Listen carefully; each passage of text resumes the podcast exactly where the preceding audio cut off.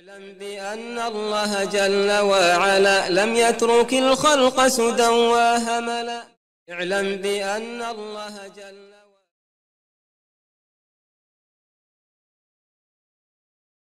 بسم الله الحمد لله الصلاة والسلام على رسول الله. استعين بالله لا حول ولا قوة إلا بالله. اللهم لا سهل إلا ما جعلته سهلا وأنت تجعل الحزن إذا شئت سهلا. اللهم أرنا الحق حقا وارزقنا اتباعه وأرنا الباطل باطلا وارزقنا اجتنابه ولا تجعل الحق ملتبسا علينا فنضل. اللهم آت نفوسنا تقواها وزكها أنت خير من زكاها أنت وليها ومولاها برحمتك يا أرحم الراحمين. ربنا لا تزغ قلوبنا بعد إذ هديتنا وهب لنا من لدنك رحمة إنك أنت الوهاب.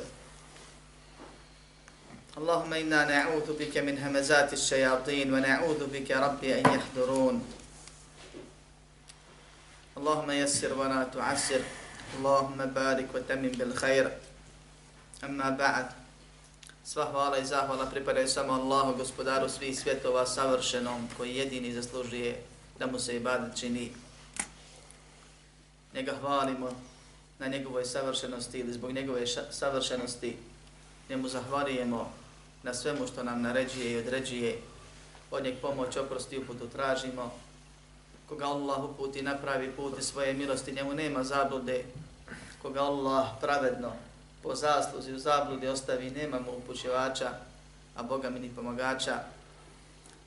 Zato, nadajući se Allahovoj milosti i oprostu i uspjehu u džennetu, svjedočimo da nema drugog Boga sem Allaha, jedini je i nema sudruga.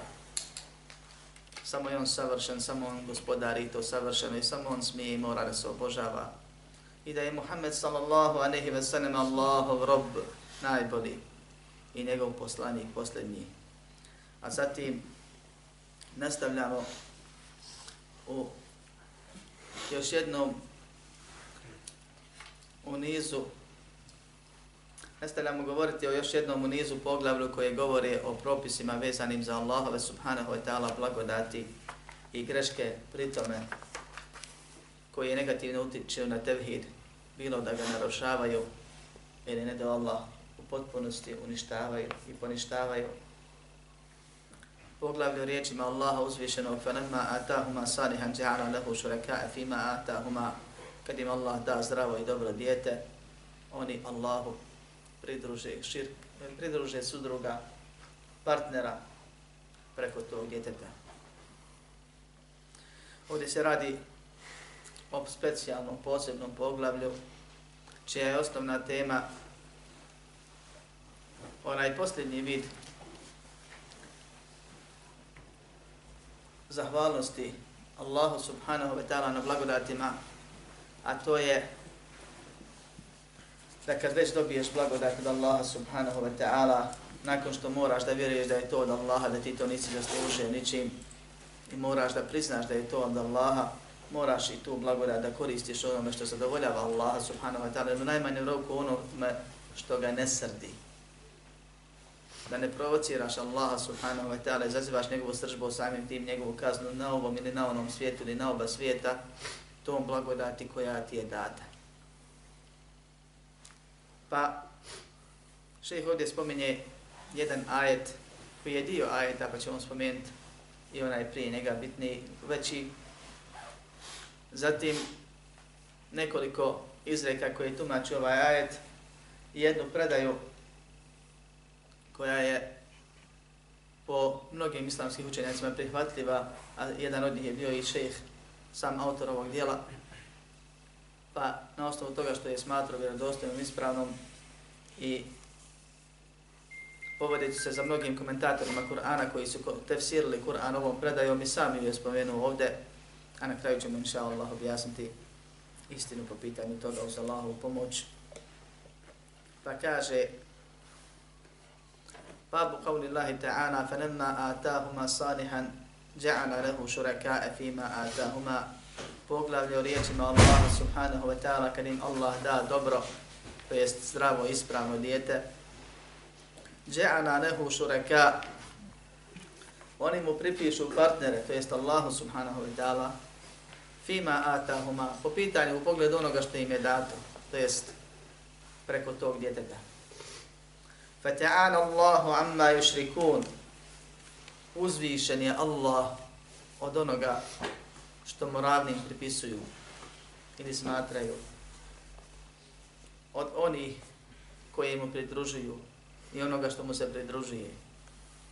Zatim nastavlja Allah subhanahu wa ta'ala yushrikuna ma, yah, ma la yakhluqu shay'an wa hum yukhraqun. Zar mu pripisuju nešto što ništa nije stvorilo, samo je stvoreno. I dalje spominje još ajeta koji su objavljeni po pitanju ništavnosti širka i odnosi se prije svega na veliki širk. A prije toga Allah subhanahu wa ta'ala kaže هو الذي خلقكم من نفس واحدة وجعل منها زوجها ليسكن إليها On vas je stvorio od jedne duše, od jedne osobe, od jednog čovjeka, to jest od Adama. وَجَعَنَ مِنْهَا زَوْجَهَا I od njega je stvorio njegovu suprugu. لِيَسْكُنَ إِلَيْهَا Da se uz nju smiri. Kao što kaže na drugom mjestu gospodar svjetova da je Allah subhanahu wa ta'ala stvorio muškarce i žene i brak im propisao da se smire jedno uz drugo i da je وَجَعَلَ بَيْنَهُمْ مَوَدَّةً وَرَحْمَةً Među njima spustio ljubav i samilost. Cilj braka je smirenost koja dolazi uz brak, ali brak biva građen na, nakon šarijatskih pravila koja su postavljene hjerarhije koja postoji u šarijatu, nije ostavljena na dogovaranje i pregovaranje, građen je na ljubavi i samilosti. Pa ako se nešto od ovoga prekrši, nastane problem. Allah subhanahu wa ta'ala kroz stvaranje čovjeka i žene i ljudi i džina nam pokazuje svoju veličinu. Osnova je da insan nastaje od dvoje, od muška i ženska, kao što je došao jedan od židova poslaniku Muhammedu sallallahu alejhi ve selleme i pitao ga ono što je mislio da ne znaju osim oni koji objavu imaju i rekao čega se stvara o Muhammede sallallahu alejhi ve veseleme. Pa mu kaže sallallahu alejhi ve selleme od dvoga se stvara, od dvoje se stvara. Od muške i ženske spermi. A to nije bilo poznato ljudima u to doba da i žene imaju spermu i da ta sperma utiče i da se mora sastaviti muška i ženska jajna ćelija da bi nastalo dijete. I to je osnova kod ljudi. Međutim, Allah subhanahu wa ta'ala nam je pokazao da može i bez muška i bez ženska. Pa je stvorio Adama bez majke i oca. Da može i bez majke. Pa je stvorio Havu od Adama. Iz njegova rebra. I da može bez oca kao što je stvorio Isa alaihi od majke bez oca. Nek ostali ljudi bivaju stvarani, stvoreni od majke i oca. Pa Allah subhanahu wa ta'ala spominje i govori i kaže on vam se stvorio od jedne osobe, a od njemu suprugu stvorio da se uz nju smiri. I ti, tu govori o Adamu i Havi. Nakon toga po jednom mišljenju nastavlja govoriti o Adamu i Havi, a po drugom mišljenju prelazi i govori o čovječanstvu općenito. I to je ispravnije mišljenje Allah najbolje zna. Ali ćemo morati protumačiti poglavne na osnovu jednog i drugog mišljenja kako bilo shvatljivo. Kaže, فَلَمَا تَغَشَاهَا حَمَلَتْ حَمْلًا خَفِيفًا فَمَرَّتْ بِهِ Nakon što spolno opći s njom, ona kaže, zanese lagan teret s kojim nastavlja hoditi lahko. U početku to bude mikroskopski vidljivo, zatim raste lagano, ali ne predstavlja teret. Sve dok ne dođe do jednog vakta nakon nekoliko mjeseci kad već žena oteža i to postane teško. I kad se približi porod. I kad već oboje počinju više razmišljati o tome šta će i kako će biti. Pa kaže dalje, فَلَمَّا أَثْقَلَتْ A kada oteža, دَعْوَ اللَّهَ رَبَّهُمَا Oni mole Allaha, svoga gospodara, la in atejte na salihan, لَنَكُونَنَّ مِنَ الشَّاكِرِينَ Ako nam daš, kaže, dobro, zdravo, čitavo, ispravno dijete, bit ćemo ti zahvalni. Ili moli Allaha subhanahu wa ta'ala da im da zdravo, ispravno, jer počinju da kontaju kako će sve to proći. Da li će biti komplikacija koje mogu i tragično da završi. A ako se rodi ipak, kako će se roditi? Čitavo, zdravo, živo ili mrtvo? Čitavo ili sakato? Zdravo ili bolešljivo? Pokorno ili nepokorno? I tako dalje i tako dalje Pa brige se povećavaju kako se porod približava. I tad se i dove obično povećavaju, jer insan je takav, kad mu gospodar treba, onda mu se usrdno moli i stalno obraća, a kad dobije ono što želi, okreni se i zaboravi. Dok do sljedećeg problema kojim ga, i iskušenja kojim ga Allah na sebe posjeti.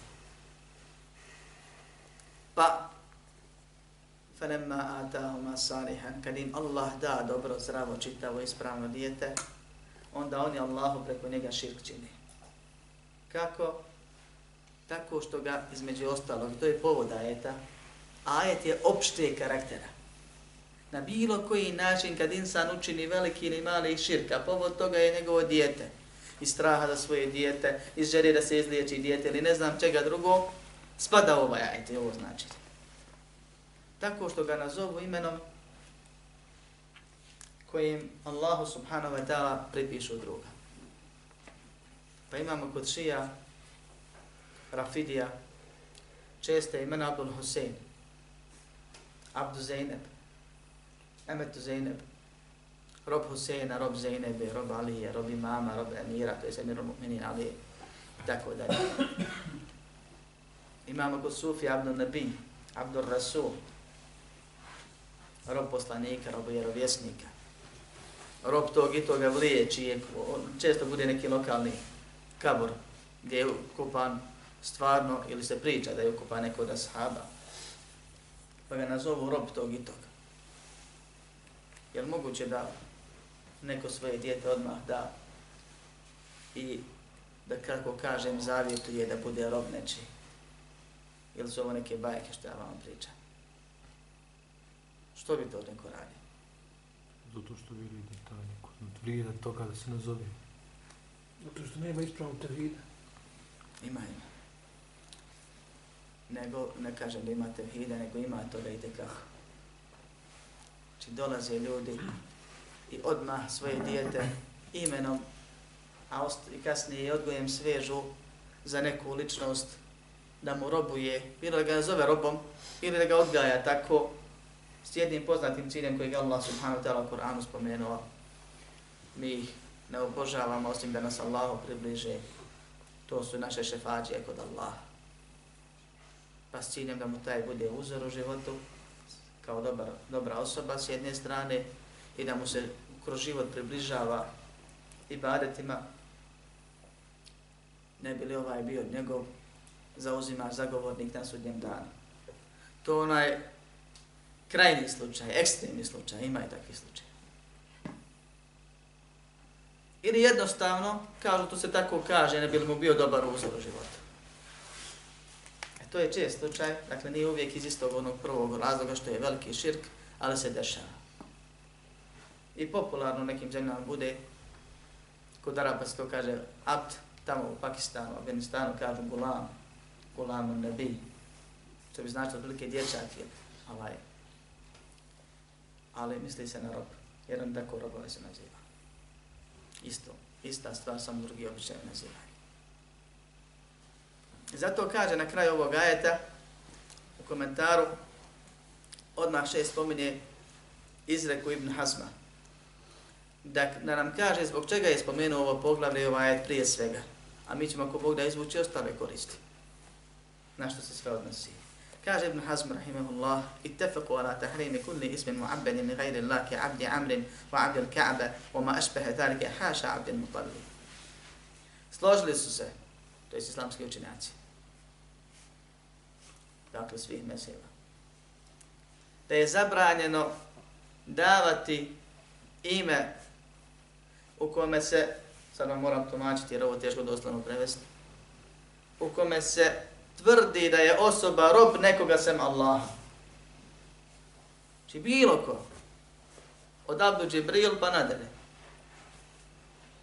Složila se ulema da nije dozvoljeno reći nazvat ime Abd, dati ime djetetu Abd ili eme robina uz dodatak nekog imena koje nije Allahovo subhanahu wa ta'ala ime. Haša Abdul Muttalib. Osim imena Abdul Muttalib. Šta znači osim imena? Znači nisu se na tome složili. Da je haram. Iz određenih razloga. Ne znači da je ovo dozvoljeno. To ćemo vidjeti kasnije da li je dozvoljeno ili ne. Nego složili se da je zabranjeno bilo koje ime uz izuzetak imena Abdul Muttalib. Tu se nisu složili. Pa islamski učenjaci po pitanjima Abdul Muttalib imaju različite stavove, jedni kažu da je dozvoljeno, drugi kažu da je pokuđeno, tek će tvrdi da je zabranjeno i to strogo zabranjeno. A sve zbog toga što je poslanik sallallahu alejhi ve selleme u jednoj od bitaka rekao ja sam sin Abdul Mutaliba, obeštavajući svoje porijeklo, o, svoj, o svom, svojim porijeklom. Ko je bio Abdul Mutalib? Djed poslanik. Djed poslanika sam se. Kome je to dao ime? Njegov otac, pretpostavljam. Je li u redu da mi mijenjamo ljudima imena kad umru? Nije. Kakve ima on koristi ako mi nasilno promijenimo ime? Nikakve. Poslanik sallallahu alaihi sallam je mijenjao imena koja su neispravna. I Abdul Uzza, i Abdul Lad, što je bilo da sahaba, to je promijenjeno. Međutim, spominje se da je bilo neki Hasaba Abdul Mutalib se zvali, pa im nije poslanik sallam promijenio ime. I da je rekao ja sam sin Abdul Mutaliba, ili potomak Abdul Mutaliba, pa neki učenjaci kažu ovo je znak ili dokaz da je dozvoljeno da je ovo izuzetak. Drugi kažu nije dozvoljeno, osnova je ista, ali pošto je već rečeno i pošto je bilo nekih ashaba, recimo da je pokuđeno stav između, jer imamo ovamo dokaz o zabrani, o zabrani jasne svih imena i ovo po, po, po analogiji treba raspada u to, međutim imamo i te argumente koji su možda direktni, možda nisu, pa najbolje da pomirimo stavove da kažemo pokuđeno. Treći dio učenjaka je kategoričan i kaže ovo je obavijest, ovo nije potvrda. Nije Muhammed a.s. kriv što mu se dje zvao Abdul Mutamir. Nije ga on nazvao, pa da kažemo to je znak dozvoljenosti. Nego je to obavijest. I nije bilo ashaba koji su se zvali Abdul Mutalib, kao što stručnjaci u toj oblasti dokazuju i kažu da su istraživali sve te rivajete, pa su došli do zaključka da je bila ashaba koji zvali El Mutalib, a ne Abdul Mutalib. Tako da padaju u vodu argumenti prve i druge skupine. I ostaje ono što je osnova. A to je da nema izuzetka ni po ovom pitanju, nego da je to zabranjeno i ima isti propis kao i sva druga imena. Koja su ovog oblika. Dakle, kaže se rob Mutalibov, rob Hase, rob Huse, bilo koga drugoga. Bio, ta, bio taj vrijedan, najvrijedniji, poštovan, najpoštovaniji ili neko bezvrijedan islam, po pitanju islama, nebitno ne smije se znači reći rob osim Allahov rob. Allah subhanahu wa ta'ala ima mnogo imena i Allahova imena su samo ona imena koja je došla u Kur'anu i hadisu vjerodostojnom kojima se Allah lično nazvao ili ga je poslanik sallallahu alaihi sallam nazvao, to je obavijestio nas o njegovom nazivu, njega on nije mu on davao imena.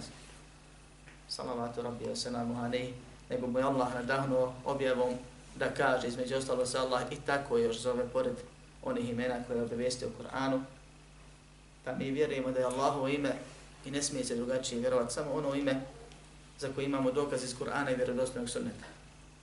I ta imena su brojna, ima ih više od stotinu.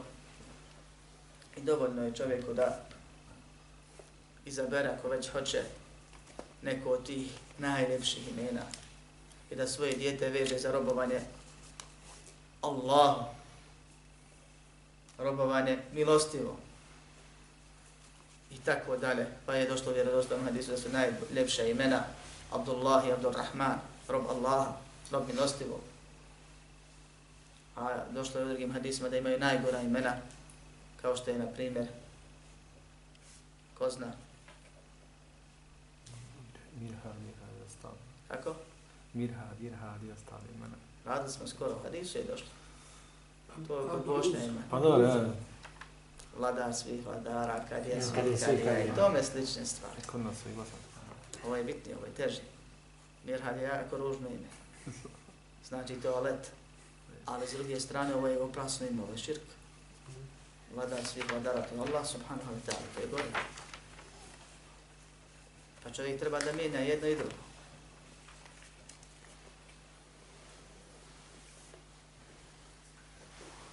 Zato Allah subhanahu wa ta'ala nakon što spominje ovaj slučaj kako robovi pogriješe, a prije svega se znači odnosi na to da daju svome djetetu ime iz nekakvog razloga koji samo po sebi sadrži širk. Kaže Fata'ala Allah, nek je uzvišen Allah, daleko je Allah, uzdigao se iznad toga i bićem i osobinama. Amma još rekun od onoga što mu pripisuju. Nakon toga, šeh ovdje spominje predaj od Ibn Abasa, oko čije vjerodojstvo se razilaze olema, koja je na osnovu prvog tefsira u skladu.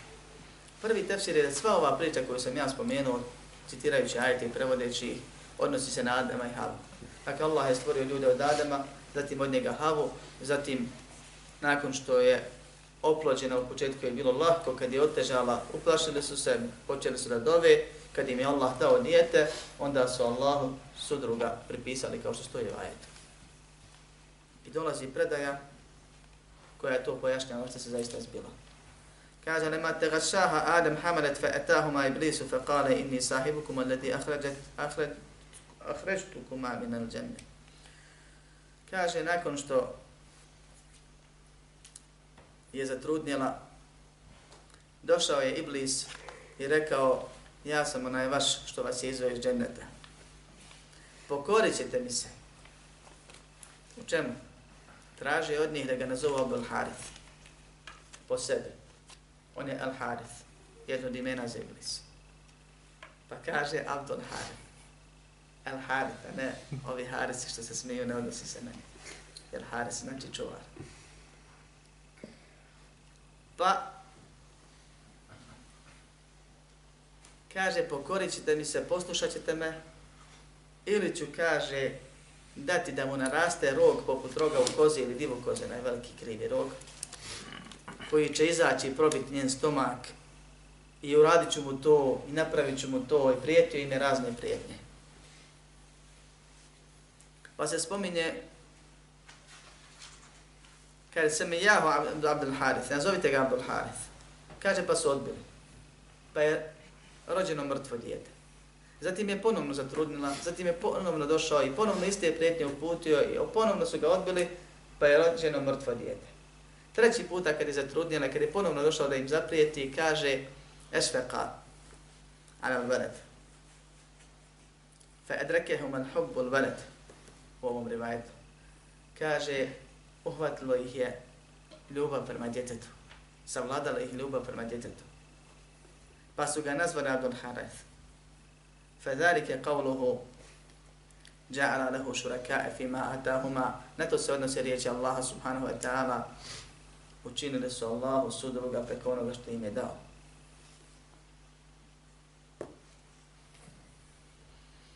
Nakon toga, kad tada pojašnja ovu stvari, kaže šuraka'a fi ta'atihi wa lem yakun fi ibadatihi.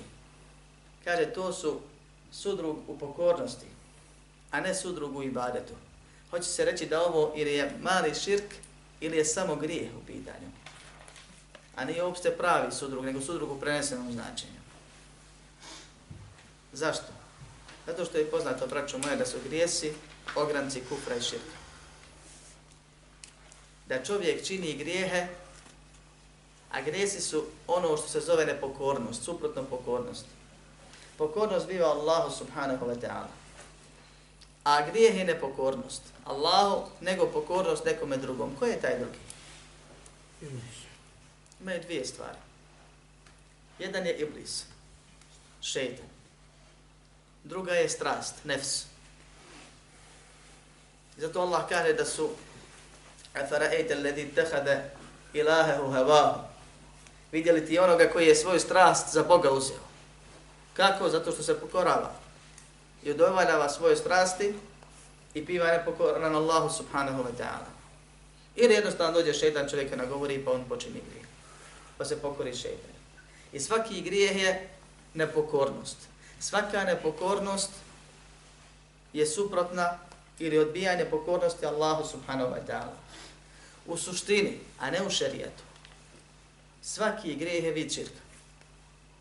Če god se nisi pokorio Allahu, pokorio se šeitanu ili strasti. Znači, prepisao si Allahu sudruga po tom pitanju. Ali nije svaki grijeh širki, svaki grijeh ne izvodi iz vjere.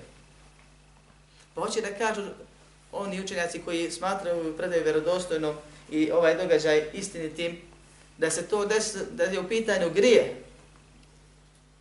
I nije prvi put da Adem i Hava pokore se šeitanu. Već jednom to uradili kad su izbačeni iz dženeta zbog toga da su pojeli sa zabranjenog drveta. Pa kažu, ovo nije širk, ovo je grije. I ovo je dokaza da je svaki grijeh vid širka s tim da u šarijetu ima klasifikacija grijeha na veliki širk, na mali širk, na veliki grijeh, na mali grijeh. Nego ovo spada u domen grijeha i to mali grijeha kod onih koji to tako smatraju, a ne širka. I kažu, prevario ih je šeitan dva puta. I navode neku predaju koja to potvrđuje u ovom vidu. I ovo je stav većine mufesira i u mnogih učenjaka selefa. Ali na ovaj način ga tumače. Ne kažu Adam i Hava su počinili širk. Ni veliki ni mali. Nego prevario je šetan Adama i Havu jednom u džendetu i prevario ih i zastrašio ih je i pali su na iskušenju i na dunjaluku iz ljubavi prema djetetu tako što su se pokorili šetanu grijehom i uradili su grijeh. Međutim, braćo moja, ovo, ispra, ovo mišljenje je neispravno iz više razloga. Prvo zato što je ova predaja slaba. I svi njeni rivajeti izvori su slabi.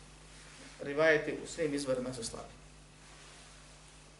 Slabi ili žestoko slabi.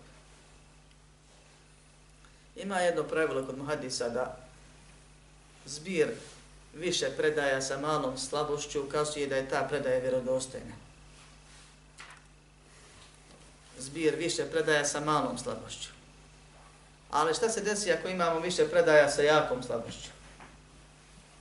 Kad su jednog šeha koji nam je predavao hadis pitali, zato kaže kabur, kabur, kabur, groblje. Svi mrtvi, šta ćeš od njih?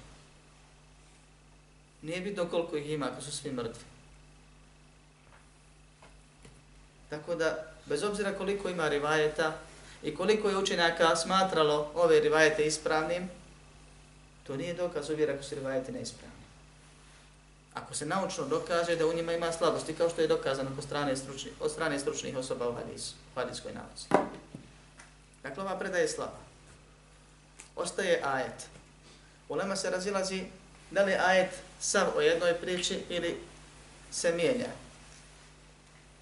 Pa oni koji su na osnovu ove predaje smatrali, rekli su da je cijeli kontekst jedna te ista tema, tema su Adem i Hava. Drugi kažu ne. Tema govori o čovjeku i ženi kao vrsti. Kao često je pojavi koja se dešava. Treći kažu ne.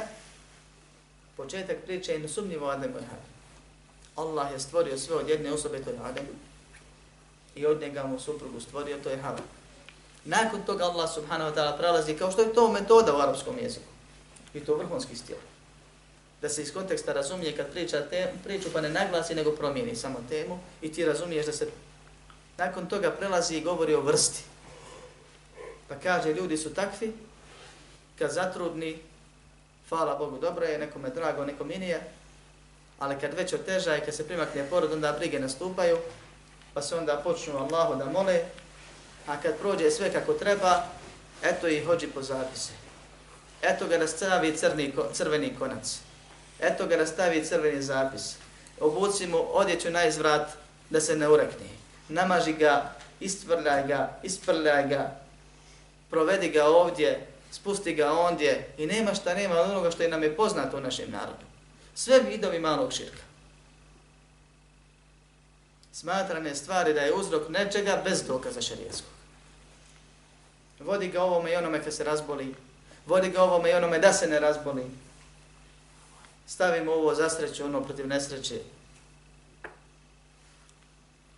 Ako se pak razboli, vodi ga prvo kako na šarijatsku rukju, to je kod onih malo boljih koji znaju da ima šarijatska rukja. Pa kad izgube sabor i ne opali liječenje od prvi, drugi treći treći puta, možda neće nikad, možda Allah nije dao lijeka, onda ga vodi sihrbazu, nije bitno, bitno da se izliječi. I onda se dođe i pravda, kaže, topljenik se zaslanko hvata. A ti se topiš u džehennemu. Islam kad ti neće koristiti, izgore će zajedno s tobom i to vječno. Dijete je blagodat iskušenja, koji svaka druga blagodat je ujedno je iskušenje. Dijete je Allahovo, ne tvoje lično. Ti s njim radiš šta hoćeš. Tvoje tijelo nije tvoje, ne možeš ga uništavati kako hoćeš, Allah to zabranije. I kaznit će te zbog pušenja i drugih vidova štete svom tijelu. A kamo li tvoje dijete, koje tebi je manet, od Allaha blagodati iskušenje, Ako budeš zahvalan, imat ćeš koristi na ovom, na ovom svijetu. Ako budeš iskušan, moraš da se strpiš i živiš i radiš po šerijatu. A ne kako narod govori i kaže. Ne da Allaha srdiš tako što mu širk činiš. Bilo da ga nazoveš, kao što je povod objave ajeta, ili da radiš neki vid širka drugi. A vidova je puno našem. Nažalost. Nemaš ti pravo da radiš s njim što hoćeš. Da ideš i muslimanima i nemuslimanima ako ne dođe lijek, onda ti procina treba da dođe kod muslimana. Da te i oni liječe. Ne misli na medicinu, nego na ove nadre ljekare. To širkom i kufrom liječi. Siher baze i ostale. Allah subhanahu wa ta'ala je dao tu blagodat i za nju bit, ćeš biti pitan. I na kraju krajeva to je Allahova briga. I Allah s njim radi što hoće. Nisi ti taj koji je dao i učinio da dijete bude začeto. Allah subhanahu wa ta'ala stvorio tebe, pa ti omogućio da se oženiš. Pa od mnoštva polnih odnosa dao kad je on htio da jedan bude uzrok. I u većini slučaja čovjek ne nije ti dijete, nije ti svoju strast da ispuni. Pa se iznenade i čuju došlo doći će dijete za trudna žena. Onda je Allah subhanahu wa ta'ala koji je sastavio te dvije ćelije dao da one rastu. I za prosječnih devet mjeseci narastu i skladan insan nastane. Pa je Allah subhanahu wa ta'ala ne mi olakšao izlazak tog djeteta.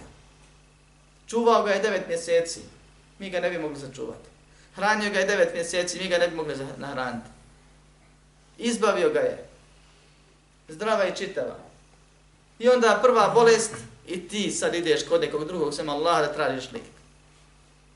Jel si ti to brižni za svoje djete od njegovog gospodara. Nisi i ne možeš biti nikad. I nema čovjeka opravdanja za ove stvari. Ma koliko se često dešavale kod onih koji su uvjeri dugo vremena. Nema opravdanja čovjek za bilo kakav grija, kamo li za širk mali. Ili nisi znao, pa si kriv što nisi učio, a mogao si naučiti. Ili si znao, pa te nešto savladalo, a nije te moglo savladati. Kažu, pa šta ćemo za Ademom i Havom? Ova priča nije vjerodostojna. I ne dolikuje poslanicima da čine širk. Kaže, pa nije širk ulema koja to potvrđuje, kažu nije širk. Kako nije širk, Allah kaže, učinili širk. A poznato je da, uče, da, da vjerovjesnici, to je osnove vjerovanja u vjerovjesnike i poslanike, da vjerovjesnici nisu činili, bili su sačuvani od velikog i malog širka i velikih grijeha. Da je priča vjerodostojna, mi bismo rekli izuzetak. Allah je dao izuzetke kod nekih vjerovjesnika po nekim pitanjima. Pa većina vjerovjesnika ili skoro svi nisu dobivali objavu prije 40. Isa alaih salam je dobio ranije. I tako, ima izuzetaka. Ali da priča nije vjerodostojna. Slaba je kosi se sa akidom ehli sunneta. Po pitanju vjerovanja u poslanike, su bili sačuvani od velikog i malog širka. Ne dolukuje poslaniku, ne dolukuje vjerniku da padne u ovaj grijeh. A kamo li vjerovjesniku? I vjerodostojan hadis o šefaatu poznati dugi u sahihu koji govori o tome kad će ljudi ići od vjerovjesnika i poslanika do, do drugoga da ih mole da se oni zauzimaju pa će svako spomenuti svoj grije. Adem Alehi se nam spominje jedan grije, ne spominje drugi. Ovaj drugi je veći od prvog. Ako bi bio širk. I kaže, ja ne smijem, ja meni Allah zabranio da jedem s drveta pa sam pojao. Rekao bi i meni je zabranjeno da uradim to i to pa sam uradio. Međutim, ovdje uzmamo pouku, braćo moja, da bez obzira kakav bio vjernik, nećete šeitan ostaviti. Hvatit ćete tamo kad si najslabiji. Pokušavat ćete nekog preko supruge, nekog preko roditelja, nekog preko djeteta, nekog preko nekoga drugoga, da navuče na grije. Mali, veliki, mali širk, veliki širk ako uspije. Također od znakova da ova predaje slaba je to da im je kaže šetan došao i rekao ja sam onaj što vas izveo žene, da sad ću vas izvesti. Ne prilazi tako šetan. To kod čovjeka stvara imunitet, odbran, gard. Nego šetan ide okolo. Od šetanskih metoda je da te nagovara na sevap. Kako bi ostavio veći sevap. A kamo li da ti dođe i kaže, hajde sad izađi iz vjere. Logičan odgovor je neću. Hajde sad uradi veliki grijeh, neću. Ali postepenost je i mudrost šeitanova osobina pa to on polako radi. I hvada čovjeka tamo gdje je najslabiji. S ciljem da ga postepeno iz malog u veći grijeh uvodi kako bi ga iz vjere izveo ili žestoko naštetio njegovoj vjeri. A čovjek mora da bude u pripravnosti, da, bude, da pazi. Ako si sad, hvala Allahu, sačuvan, ne zna šta život nosi. Šta ti Allah u životu pripremio? Danas si neoženjen, sutra ćeš biti oženjen. Možda budeš slab upravo na suprugu. Danas imaš ovo, sutra nemaš. Pa možda budeš baš slab na taj nedostatak i oskudicu. Danas nemaš djecu, sutra ćeš možda imat. Pa ćeš poželit da ih nisi imao kad vidiš da se izmaču u kontroli i da su neodgojene i da ne možeš ništa da uradiš pa ćeš tražiti utjehu u tome da je Nuh imao sina kafira. Ali teško će ti biti. Šetan te čeka i budi na oprezu. I znaj da sve što ti Allah subhanahu wa ta'ala dao da blagodati prvo možete uzeti u svakom momentu.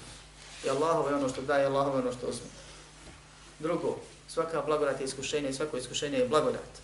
I to tako doživljavamo. Pa se plaho ne radujemo dobro i plaho ne tugujemo i ne padamo u čaj kad nas zadesi iskušenje. Allah je savršen i on nabire bolje nama nego što bismo mi sebi znali odabrati. Jer on ne griješi. Pa ako ti danas nešto nije dao, to je dobro za tebe. Ako ti danas nešto dao, to je dobro za tebe. Ali jedno i drugo tebi iskušenje i blagodati istovremeno.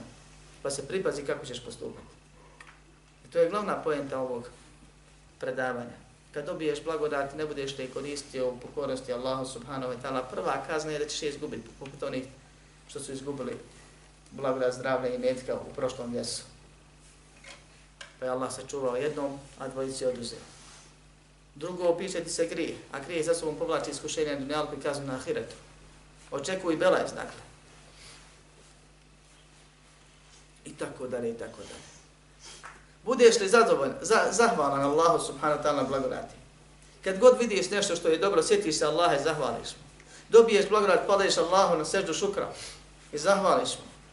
Očekuj samo hajre što ti Allah povećati. Bilo tu lično blagodat, će ti dati još neke druge koje treba da nemaš. I možda misliš da nikad nećeš imati. Allah je milostiv, ali Allah hoće da se po njegovim pravilima živi. Kršiš li pravila sam sebi si kriv, imaćeš samo belaje. I kad tad ćeš ili skontat da si u krivu, pa se pokajat, ili skontat da si u krivu, a bit će kasno, nje si već se našao na sudnjem danu u žene. Ali svako će, ko griješi, skontat da je pogriješio i da nije trebao tako raditi. Molim Allah subhanahu wa ta'ala nas učinio do njih koji su zahvalni na blagodatima, strpljivi na iskušenjima, koji Allah subhanahu wa ta'ala obožava onako kako on hoće od nas molim Allah subhanahu wa ta'ala nas poživi i pomogne na onda dok je život za nas bolji od smrti i da nas usmrti onda kad je smrt za nas bolja od života. Molim Allah subhanahu wa ta'ala da, nas, da nam dušu ne uzima osim onda kad je zadovoljna s nama i da nas ne proživi osim kad budu sa onima s kojima je zadovoljan i da nas uvede u džennet, a sačuva od džehenneme, džehennemske kazne i groznu je ono boravište. Amin. Alhamdulillahi rabbil